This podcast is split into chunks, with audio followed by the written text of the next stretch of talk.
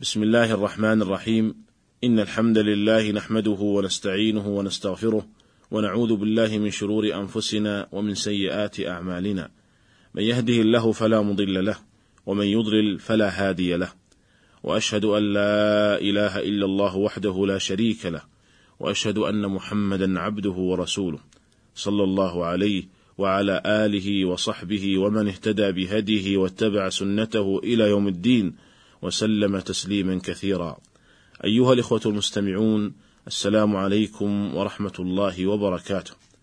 كنا قد ابتدأنا في الحلقة السابقة الحديث عن أحكام الوقف ووعدنا في هذه الحلقة بأن نستكمل ما تبقى منها. فنقول إن من محاسن شريعة الإسلام أن شرعت الوقف ورغبت فيه وقد كان للأوقاف الأثر العظيم في بناء الحضارة الإسلامية بل إنه على مدار قرون مضت من تاريخ الإسلام لم يكن دور الحكومات يتجاوز الاهتمام بالأمن الداخلي والخارجي وإقامة العدل بين الناس. وأما الخدمات المدنية من التعليم والصحة وإنشاء وصيانة المرافق العامة ودور الرعاية الاجتماعية فكانت تضطلع به المؤسسات الوقفية. إن أغراض الوقف في الإسلام ليست قاصرة على بناء المساجد أو مساعدة الفقراء والمساكين، بل إنها بل إن أغراض الوقف أغراض واسعة وشاملة لكل ما يحتاج إليه المجتمع الإسلامي، ولذلك فقد كان للوقف الآثار العظيمة في حياة المجتمعات الإسلامية في شتى المجالات. ففي المجالات العلمية على سبيل المثال كان للوقف مدارس وجامعات علمية ومؤسسات نشرت نورها على الأرض وحملت رسالة الإسلام إلى الناس. ومن الوقف وحده نشطت في البلاد الإسلامية الواسعة حركة علمية منقطعة النظير وفرت للمسلمين نتاجا علميا ضخما وتراثا اسلاميا خالدا. ونسأل الله عز وجل أن يوفق المسلمين اليوم لإحياء رسالة الوقف لتقوم بدورها الفاعل في المجتمعات الإسلامية. أيها الإخوة المستمعون، وبعد هذه الوقفة القصيرة مع دور الوقف في بناء الحضارة الإسلامية، نعود للكلام عن أبرز أحكامه، فنقول: الوقف ينعقد بأحد أمرين. الأمر الأول القول الدال على الوقف، إما بلفظ صريح أو بلفظ من ألفاظ الكناية مع اقتران نية الوقف معه. ومن أمثلة اللفظ الصريح أن يقول وقفت هذا العقار أو يقول سبلته أو حبسته. ومن أمثلة ألفاظ الكناية أن يقول تصدقت بهذا العقار أو حرمته أو أبته ونحو ذلك من من الألفاظ التي تحتمل معنى الوقف وغيره.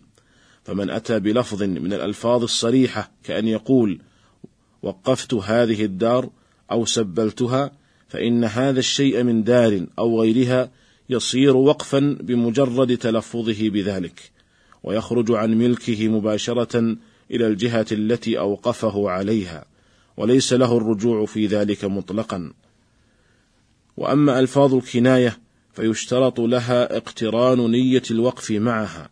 أو اقتران أحد الألفاظ الدالة على الوقف سواء كانت صريحة أو كناية.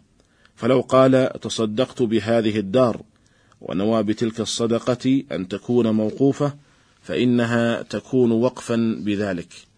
وكذا لو قال تصدقت بهذا الشيء صدقة موقوفة أو محبسة أو مسبلة أو محرمة أو مؤبدة فإنها تكون وقفا بذلك. وكذا لو قال تصدقت بهذا الشيء صدقة لا تباع ولا تورث أي أنه اقترن بلفظ الصدقة ذكر حكم الوقف فإنه يكون وقفا بذلك. أيها الإخوة المستمعون، وينبغي لمن أراد أن يوقف وقفا أن يعين ناظرا لذلك الوقف في حياته هو وبعد وفاته، بل ينبغي أن يعين أجرة لذلك الناظر لأن هذا مما يعين على حفظ ذلك الوقف وعلى استمراره.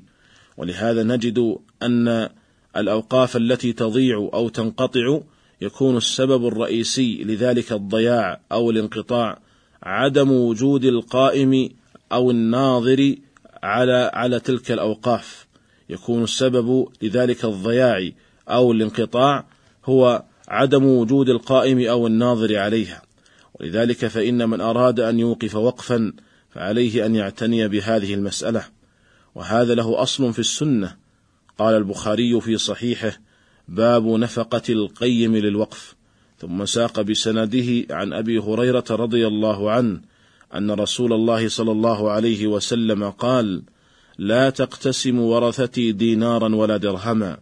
ما تركت بعد نفقة نسائي ومؤونة عاملي فهو صدقة ثم ساق بسنده عن ابن عمر رضي الله عنهما أن عمر اشترط في وقفه أن يأكل من وليه ويؤكل صديقه غير متمول مالا.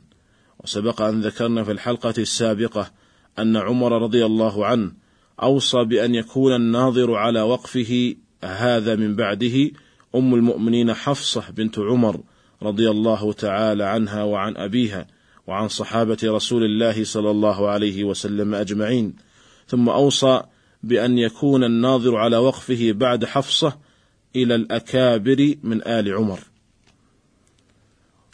ونظرا لأهمية مسألة النظارة على الوقف وأثرها في حفظ الوقف واستمراره فقد ذكر كثير من أهل العلم أن الواقف إذا لم يعين للناظر أجرة مقابل عمله جاز له أن يأخذ بقدر عمله.